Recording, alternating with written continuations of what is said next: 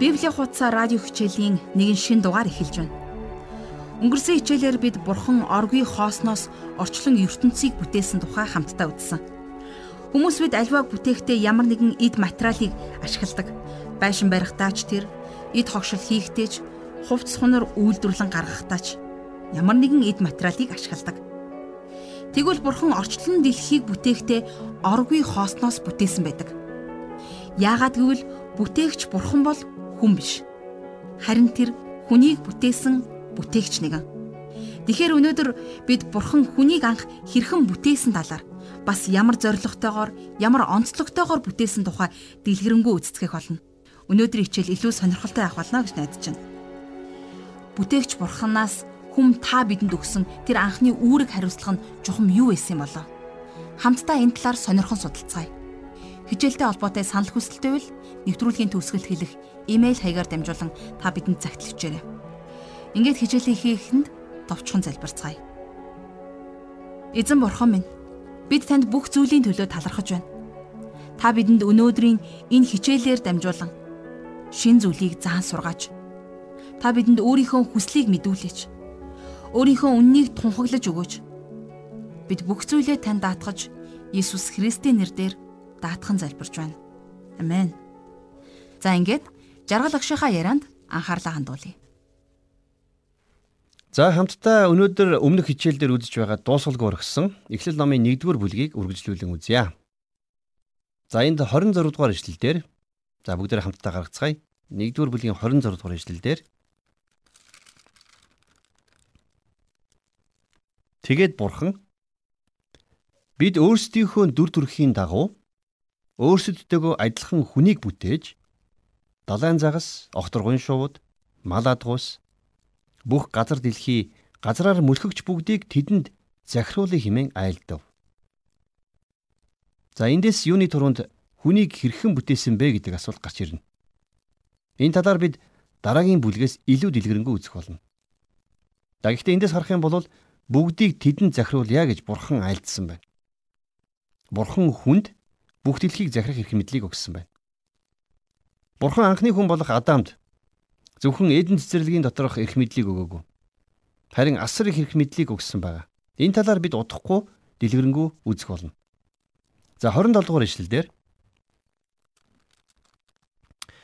Тэгээд бурхан өөрийнхөө дүр төрхөөр хүнийг бүтээж бурхны дүр төрхөөр эрэгтэй эмэгтэй хүнийг бүтээв гэсэн байна. За эндээс харах юм бол бид хүнтэй холбоотой нэгэн үннийг олж харж чадна. Энд 3 дахь удаага бараа буюу оргуу хоосноос бүтээсэн гэсэн утгатай үг гарч байгаа. Бурхан хүнийг бүтээсний цоо шин зүйл байсан гэсэн үг. Эхлэл номын эхний ишлэлд эхэнд бурхан тэнгэр газрыг бүтээжээ гэсэн ишлэлдэр анх бараа гэсэн үгийг ашигласан байна. Бурхан бодит бит ертөнцийг бүтээсэн байна. За тэгээд бурхан амь амьдралыг бас бүтээсэн. Харин энд бурхан хүнийг бүтээсэн тухай гарч байна. Бурхан хүнийг өөрийнхөө дүр төрхийн дагуу бүтээсэн байна. Бурхан хүнийг хэрхэн бүтээсэн талаар дараагийн бүлэгдэр дэлгэрэнгүй гарч байгаа л да. Эндээс бид нэг зүйлийг олж харж чадна. Эхэнд Бурхан Тэнгэр газрыг бүтээжээ гиснээс өөр дэлгэрэнгүй деталь мэдээллийг Бурхан бидэнд үлдээсэнгүү. А тэгсэн хэрнээ нэг л бүтээлийг хэрхэн бүтээсэн талаар нилээд дэлгэрэнгүй дурдсан байна. Энэ бол хүн юм. Яагаад гэж? Яагаад гэх юм бол Бурхан хүнд зориулж энэ бүхнийг бичсэн юм. Бурхан хүнийг өөрийнхөө үүсэл гарлыг мэдээсэ гэж хүсдэг. Үүгээрээ Бурхан би чамайг орчлон ертөнцийн үүслийн талаар таамаг дэвшүүл суухынхан оронд өөрийгөө хэрхэн бүтээгдсэн гэдэгт анхаарлаа хандуулаасай гэж хүсэж байна гэж хэлж байгаа юм шиг надад санагддаг юм. За энд нэгэн чухал зүйлийг дурдсан байгаа. Бурхан хүнийг өөрийнхөө дүр төрхийн дагуу бүтээсэн байна. Энэ бол Бурхны үгэнд айлдсан хамгийн гайхалтай тунхаглуудын нэг юм. Үүнээс илүү гайхалтай зүйл бий гэж юу? Юу гэсэн үг вэ? Хүн Бурхантай адил гурвлаар оршдог. За ингэж хэлэнгүү та тийм ээ тийм би таны юу хэлэх гэж байгаа мэдж байна. Хүн бие, сэтгэл, сүнс гэсэн гурваас бүтгэ гэж хэлэх баг. Тийм ээ би тэгж итгэдэг. Тэгэхээр шинэ гэрээний 1-р Тесалоникийн 5:23-т сүнс, сэтгэл, бие чинь бидний эзэн Есүс Христийг ирэхэд бүрэн хамгаалагдсан бөгөөд гим зэмгүй байх болтугай гэж бичсэн байдаг юм. За гэхдээ дараагийн бүлэг дээрээс бид үүнээс жилүүгээр Бурхны дүр төрхөөр бүтээгдсэн болохыг үзэх болно. Хүнийг Бурхан ухамсартайгаар бүтээсэн. Ухамсартай учраас хүн өөрийнхөө өмнөөс шийдвэр гаргах чадвартай. Энэ нь хүн төрлөختнийг бусад бүтээлүүдээс илүү онцгой болгож байгаа. Бурхан хүн төрлөختнийг дүр төрхийнхөө дагуу бүтээсэн гэж үнийг л хэлсэн болов уу гэж би хувьдаа боддог. Бурханы дүр төрхөөр эрэгтэй эмэгтэй хүнийг бүтээг гэсэн ишлэлдэр эрэгтэй эмэгтэй хүмүүсийг хэрхэн бүтээсэн нарийн деталийг өгүүлээгүй байна. За тэгэхээр дараагийн бүлэг дээр энэ тухай дэлгэрэнгүй гарна. Бурхан орчлын ертөнцийг бүтээсэн талаар өөр нэгэн нэмэлт бүлэг гаргаж нарийн тайлбарлааг нь шалтгаантай байх. Хэрвээ тэр хүссэн бол өөр нэгэн бүлгээр тайлбарлах байсан бизээ. Гэтэл бурхан өөрийгөө бүтээгч бурхан гэдгээс өөр нэмэлт тайлбарыг өгөөгүй. За тэгэхээр эндээс би таныг Еврей номын 11-р бүлгийн 3-р эшлэл дээрх гайхалтай үннийг эргэн санаасаа гэж хүсэж байгаа. Бурхны үгээр ертөнц бүтээгдсэн бөгөөд тийхүү харагдах зүйлс нь үзэгдэх зүйлсээс бий болгогдоогүйг бид итгэлээр ойлгодгоо гэж тэнд бичсэн байдаг. Өнөөдөр бидний нүдэнд харагдаж гарт баригдаж байгаа бүхэн анхандаа огт байсангүй. Орчлын ертөнц дээрх бүхэн нь оргуу хоосноос бий болсон юм. Хэн нэгэн хүн үүнийг тодорхой тайлбарлаад аль гэж хэлж магадгүй. Тэгэхээр найз минь үнэндээ би үүнийг тайлбарлаж чадахгүй. Ховслын онол ч үүнийг тайлбарлаж чадаагүй. За ховслын онол нь оргуу хоосноос орчлын ертөнц хэрхэн үүссэнийг хизээж тайлбарлаж чадаагүй. Жижигхэн амиоб, далайн жижигхэн замаг. За модон дээр амьдардаг жижигхэн амтан. Бидний оюун ухаан дандаа ямар нэгэн биетээс альва зүйлсийг эхлүүлэх гэж сэтгэдэг. А гэтэл Библи хэлэхдээ оргуу хоосноос орчлын ертөнц бий болсон гэж хэлсэн. Бурхан оргуу хоосноос бүтээсэн гэж тунхагладаг. Энэ бол Эхлэл номын энэхүү бүлэг дэх гайхамшигтай нэгэн илчлэлт. За тэгэд 28 дугаар ишлэлдэр Бурхан тэднийг ажиллаж тэдэнд өсөн нэмэгдэж өнөр өтгөн болж газар дэлхийг дүүргэн газрыг эзэмш далайн загас, овторгон шууд хийгээд газар дэлхий дээрх хөдөлдөг бүх амьтдыг захир химэн альдва гэж цааш нь бичсэн байна. Энэ бүтээлдээ бурхан нэгэн онцгой зүйлийг өгсөн байгааг бид харж байна. Эхлээд бурхан эрэгтэй хүнд хандаж өсөж үржин үнэр өтгөн болж газар дэлхийг дүүрэг гэж айлдсан байна. За тэгээд эмэгтэй хүнийг бүтээгээд бурхан мөн ингэж айлдсан байдаг. Бурхан эрэгтэй эмэгтэй хүнийг бүтээсэн.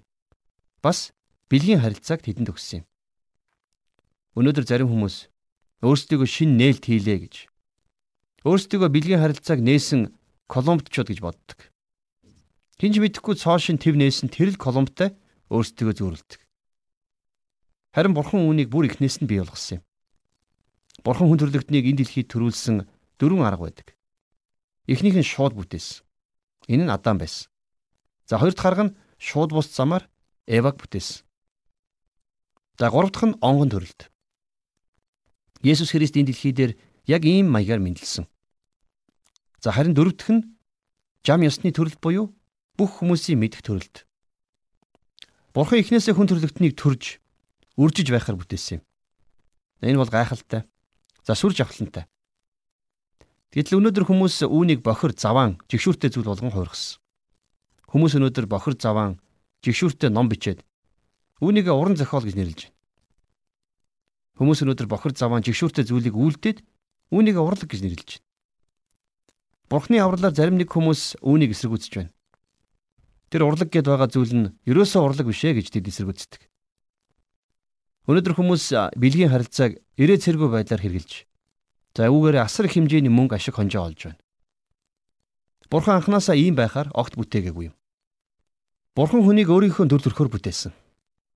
Бурхан хүн төрлөختөнд мөнх амийг өгсөн. Бурхан хүнийг ухамсартайгаар бүтээсэн учраас хүнд өөрт нь чөлөөт сонголт дандаа байж байдаг. Хүнд ёс суртахууны үүрэг хариуцлага гэж байдаг. Тийм ч учраас хүн Бурханы дүр төрхийг өөртөө тээдэг юм. Бурхан хүн төрлөختнийг газар дэлхийг дүргэ гэж хэлсэн байна. Өсөж үржин өнөр өтгөн болж газар дэлхийг дүүрэг Бурхан ингэж хэлснээрээ хүн төрлөختнийг газар дэлхийг дүүрэг гэж хэлсэн. За энэ дүүргэх гэсэн үг нь дахин дүүргэх гэсэн утгатай үг байна. Энэ үгнээс харах юм бол тухайн үед энэ дэлхий дээр өөр бүтээлүүд байсан байж болох юм. Харин хүн бүтээгдэх үед тэд устж үгүй болсон байх магадлалтай. Үүнийг бид наривчлан хэлж чадахгүй. Ямар ч бурхан хүнийг энэ дэлхийг захир гэж айлдсан байна. Хэрэг явдлыг нууцлах нь бурхны суу алдар. Харин тэдгэрийг олж илрүүлэх нь хаадын суу алдар байдгаа гэж Библийн сургаалт үгс номон дээр бичсэн байдаг шүү дээ. Алмаз эрдний чулууг бурхан газрын гүнд нуусан байдаг. Алд эрдэнсийгч гисэн газрын гүнд нуусан байдаг учраас хүн түүнийг олж авахын тулд газар ухаж хайх хэрэгтэй болдог. Үнний мэдлэгч гисэн бид үнтэй адил арга замаар олж авна гэж би боддیں۔ Бурхны үгийг судлахч гисэн энэ зарчим адилхан үйлчлэгээ гэж би боддог. За бурхан биднийг энэхүү үннийг олж нээхийн тулд лаборатори дотор микроскоп бариад суугаасай гэж хүсдэг. Харин бид лабораторид орж суугаад гарч ирэхдээ хүн төрлөختнийг устгах атомын бөмбөг хийчихэд гараад ирдэг шүү дээ. Үнэн дээр Адам бол өвс мод тайрж тэгшилдэг цэцэрлэгч төдий хүн байгаагүй. Бурхан түүнийг газар дэлхийг захир гэж тушаасан. Гэртээ байдаг агаар жулагчийг бид дуртай үедээ удирддаг шиг Адам тухайн үедээ цаг агаарыг хүсснээр удирддаг байсан болов уу гэж би бодож байгаа. Учир нь тэр бол газар дэлхийн захирагч нь байсан. Үүнийг бид эзэн Есүсийн жишээнээс олж харж чадна. Есүс энэ дэлхий дээр амьдран байхдаа цаг агаарыг удирдах байсан. Тэрээр шуургыг намжигтун гэж хэлээд намжаадаг. Тавхан талах Хоёрхан загсаар олон мянган хүнийг хооллдог байсан. За үүний адилаар Адам ч гэсэн бас гим нүгэл унахаас өмнө ийм чадвартай байсан болов уу гэж би хувьдаа боддог. Харин гимд унах тэр үедээ Адам Бурханаас өгөгдсөн тэр эрх мэдлээ алдсан юм. За 29 дэх үргэлжлэлийг харцгаая. Бурхан газар дэлхий дээрх үрт ургамал, үрт жимсний мод бүгдийг би танарт өгнө. Тэр бүхэн та нарын хоол хүнс болно гэж альдсан байна. За эндээс харах юм бол би хүмүүсийг эхэндээ ногоон хоолтон байгаад за усан галвын дараанаас хүн махан хоолтон болсон болол та. Газар дэлхий дээрх бүх зэрлэг араатан огторгуйн бүх жигүүртэн шувууд газраар мөлхөгч амьтай бүхэн альва амьтдад ургамал ногоо бүгдийг хоол хүнс болгон өгнө хэмээн. За Эхлэл номын 30-аас 31 дугаар ишлэлдэр газар дэлхий дээрх бүх зэрлэг араатан огторгуйн бүх жигүүртэн шувууд газраар мөлхөгч амьтай бүхэн аливаа амьтдад ургамал ногоо бүгдийг хоол хүнс болгон өгнө хэмэв. Тэгээд тэр нь ёсоор болжээ. Бурхан өөрийнхөө бүтээсэн бүгдийг харахад нэн сайхан байсан. Үдэш болоод өглөө болов. Тэр нь 6 дахь өдөр болоо гэсэн байна. За энд хүрээд нэгдүгээр бүлэг дуусч байна. Тэгэхээр саяын бүлэгт юу юуны талаар өгүүлсэн байна вэ гэж бүгдээрээ эргэн харцгаая. За энэ бүлэгт Бурхан гэсэн үг нийт 32 удаа гарсан хэдий ч сонирхолтой нь Библи ерөөсөө бурхан байдаг гэдгийг нотлох гэж оролдоогүй байдаг. Яагаад? За яагаад гэвэл дуулал номын 14-ийн 1 дээр мунхан хүн зүрхэндээ бурхан байдгүй гэсэн. Тэд завхарцгаасан. Тэд жигшүүртэй үс хийсэн хэмээн бичигдсэн байдаг. Бид энэ бүлгээс өөр хэд хэдэн чухал үннийг сурч авлаа. Юуны төрөнд Библи политеизм буюу олон бурхадтай байхыг үгүйсгдэг гэдгийг бид сурлаа. За бид энэ бүлгээс өөр хэд хэдэн чухал үннийг сурч авсан. Юуны түрүүнд Библи политеизм буюу олон бурхадтай байхыг үгүйсгдэг гэдгийг бид сурсан. Цор ганц бурхан бий. Цор ганц бүтээгч бий гэж Библи бидэнд гэрчилдэг. За хоёрдугаарт Библи эхэнд гэсэн үгээр эхэлж байгаа. Найз минь бүх зүйлд эхлэл бий. Бурхан бүх зүйлийг эхлүүлсэн юм. За гуравдугаарт Библи пантеизмыг үгүйсгдэг гэдгийг бид үзлээ. Бурхан бол бүх зүйлсээс өмнө байсан бүх бүтээлээс ангид оршигч нэгэн гэдгийг бид үзсэн. За дөрөвдүгээрт Библи фатализмыг үгүйсгдэг. Бурхан өөрийн хүслийн дагуу бидний амьдралд ажлуудыг хийдэг. Мөн бидэнд чөлөөт сонголтыг өгсөн юм. За тэгээд эцэст нь Эхлэл номын 1-р бүлгийг базаад хэлэх юм бол 1-дүгüрт нь тушаал, 2-дугаарт нь үйл явц, за 3-дугаарт нь тушаалын биелэл, За тэгээд төсгөлд нь буюу дөрөвдүгээрт нь төгс байдал гэсэн үгээр илэрхийлж болох юм. Тэгэхээр бид өнөөдөр бурхан бол бүтээгч бурхан юм байна гэдгийг үзлээ. Эхлэл 1-р бүлгээс бид бурханы хүч чадал, түүний мөн чанарын талаар багч отгоо сурч авсан. Үнэн дээр Илч Паул Ром хотынд бичсэн Ромын 1-р бүлгийн 20 дугаар ишлэлдэр бичигдсэнчлэн ертөнц бүтээгдснээс хойш түүний үл үзэгдэх чанарууд, түүний мөн хүч ба бурханлаг төрх нь бүтээгдсэн зүйлсээрээ дамжуулан ойлгогдсон илэрхий харагдаж байгаа. Тиймээс тэдэнд шалтак байхгүй гэж бичигдсэн байдаг. Тэр бүтээгч бурхан бидэнд өөрийгөө Библиэр дамжуулан илчилж байгааг бид харж байна. Библи бол сүнслэг үннийг бидэнд илчлэхийн тулд бичигдсэн гайхамшигтай ном. Харин бид энэ үннийг итгэлээрээ хүлээн авахаас өөр арга байхгүй. Тэрхүү үнэн өөрөө биднийг мөнхөд аврах хүч чадалтай гайхамшиг. Тэгэхээр бидний өмнө итгэлээрээ хүлээн авах ёстой өөр нэгэн бүлэг хуудасаа нээж байна. Энэ бол Эхлэл номын 2 дугаар бүлэг. Энэ бүлэг дээрээс Бурхан хүнийг хэрхэн бүтээсэн тухай, хүнд эрх чөлөөг, чөлөөт сонголтыг өгсөн талаар бас хүнд хань ижил өгсөн тухай сонирхолтой үннийг олж мэдэх болно. Ингээд хамтдаа жаргал агшихаа хичээлд үргэлжлүүлэн анхаарлаа хандуулъя. За бидний одоо үргэлжлүүлэн үзэх Эхлэл номын 2 дугаар бүлэг дээрээс бид Библийн нэгэн зүй тогтолыг олж харах юм.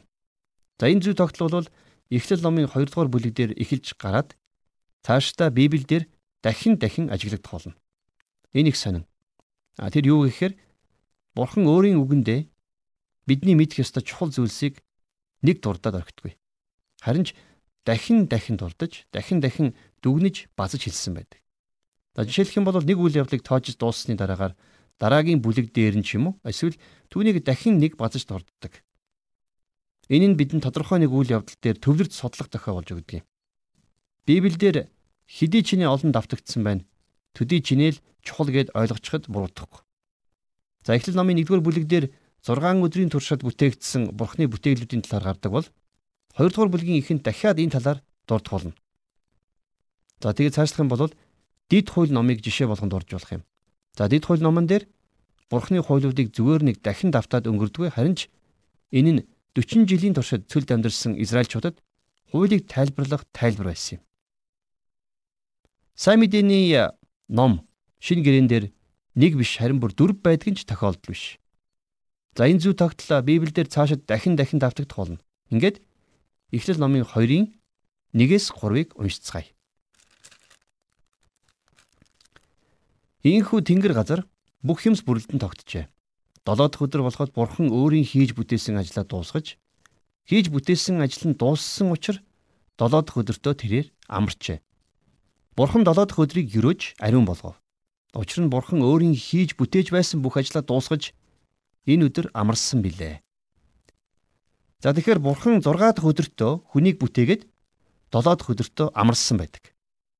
Тиймээс Эхлэл номын 2 дугаар бүлэг нь Сабат өдөр буюу амралтын өдрөөр эхэлж байна. За тэгэхээр ер нь бид нэр Сабат өдөр буюу амралтын өдрийн ач холбогдлыг нэг ойлгохгүй ч юм уу эсвэл дутуу үнэлж болохгүй. Бурхан амарсан гэдэг нь яг юу гэсэн үг вэ? Бурхан ядарсан гэсэн үг үү? Бурхан ажиллаж ажиллаж байсан амс хийгээд за 7 хоногийн ажлын 40 цаг дуусчлаа. Зөндөө их бүтээлээ. Одоо амрахгүй бол ядарч өглөө гэж хэлсэн болов. Хэрвээ ингэж бодож байгаа бол бид том эндэрч байна гэсэн үг. Бурхан 6 хоног ажиллаад бүх ажлаа дуусгасан учраас. За тэгээд өөр хийх ажил үлдээгөө учраас тэрээр амарсан баг. Бурхан хийсэн бүх ажлаа хараад үнэхээр сайхан байна гэж хэлсэн байдаг. За миний хувьд гэхэд э, баг өдөр бүр ажиллаад хараад өрөөнөөс гарахад ширээн дээр минь дутуу үлдсэн ажлууд зөндөө л хоцордог. Би бүх ажлаа дуусгачлаа гэж хэлэх өдөр надад их цөөхөн байдаг. А гэтэл бурхан бол өөр. 6 өдрийн дотор бүх ажил дууссан учраас бурхан 7 дахь өдөр нь амарсан байгаа. Энэ бол гайхалтай сүнслэг үннүүдийн нэг. Яг энэ тухай Еврей номын 4-р бүлэг дээр үл итгэгчдийг Бурхны амралт руу орохгүй гэж хэлсэн байдгийг сонирхолтой. Харин бид бол Бурхны амралт руу дуудагдсан юм.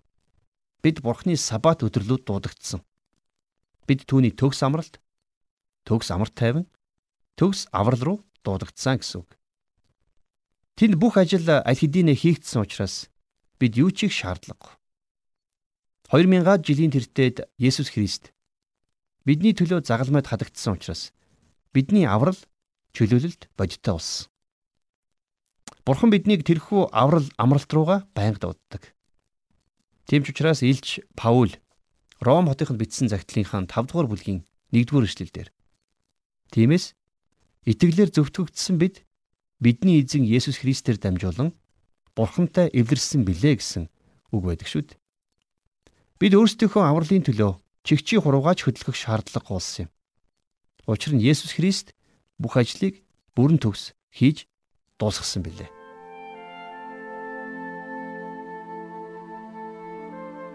Бид өөрсдийнхөө амьдралд амралтыг, амар тайвныг олж авахын төлөө бүх зүйлээрээ зүтгэдэг. Гисэн эдийч бидний амьдралд санаа зовнил, дутагдал гачигдалд бас саад бэрхшээл байсаар л байдаг.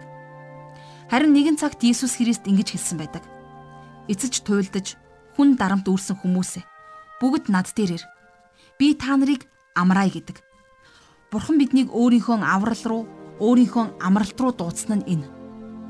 Бурхан бүх ажлаа хийж дуусгаад өөр хийх ажил үлдээгүй учраас амарсан тухай бид сая үзлээ. Тэгвэл Бурхан таны авралын ажлыг ч мөн бүрэн хийж дуусгасан гэдгийг та мэдхүү. Хэрвээ та Бурханы илгээсэн аврагч Есүс Христийг итгэлээрээ хүлээн авах юм бол та тэр авралыг бас хүлээн авах болно. Харин энэ аврал бол бүрэн төгс аврал юм. Бид энэ авралыг авахын тулд та бид нэмж хөдөлмөрлөх, эсвэл өөр ямар нэгэн буян үйлдэх эсвэл дахиад ямар нэгэн үйлчлэл хийх шаардлагагүй. Учир нь бурхан хийсэн бол хийсэн шиг хийдэг бурхан. Харин бид Есүсийг хүлээн авч бурханы авралт багтах үед бурхан та бидний амьдралд бидний чармай хайдаг. А гэхдээ энэ дэлхийн хизээч өгч чаддаггүй тэр амар тайван, тэр баяр хөөр, аз жаргалаар бидний амьдралыг дүүргэж өгдөг. Та зөвхөн өөрийн гим нүглээ чин сэтгэлээсээ хүлээн зөвшөөрч Есүс Христийн цусаар дамжуулан Бурхан таныг цагаатгсан гэдэгт бат итгэж Есүсийг өөрийн аврагчаа гэж амаараа тунхаглахад л хангалттай. Хэрвээ та Есүсийг хараахан аврагч болгон хүлээж аваагүй байгаа бол би яг одоо таныг надтай хамт залбирч Есүсийн бидэнд өгч байгаа тэр амралт руу ороосэй гэж хүсэж байна. Тэгээ миний залбирах үгийг та чин сэтгэлээсээ давтан хэлээрэй. Эзэн Есүс минь таньдаа баярлалаа. Миний төлөө энэ дэлхийд ирсэн тань талархаж байна. Би өөрийнхөө гим нүглийг хүлээн зөвшөөрч чин сэтгэлээсээ гимшиж байна. Би өөрийн үйл хэрэгээрээ би өөрийн сайн үйл хэрэгээрээ дамжуулан гим нүглээ цагаатгуулах боломжгүй гэдгийг ухаарлаа. Харин Есүсээ таны миний төлөө урсгасан цусны гавьяагаар миний гим нүгэл уучлагдсан гэдэгт би одоо бат итгэж байна. Та миний аврагч болооч та миний эзэн болооч. Энэ өдрөөс эхлэн үргэлжлүүлэн миний амьдралыг та хөтлөн дагуулаач. Танд би өөрийгөө болон амьдралаа өргөж байна. Есүсийн нэрээр залбирлаа. Амен. Хэрвээ та энэ залбирлыг чин сэтгэлээсээ хийсэн бол өөрийгөө одоо Бурхны хүүхэд болсон гэдэгт итгэлтэй байж болно. Бурхан таныг y Vic.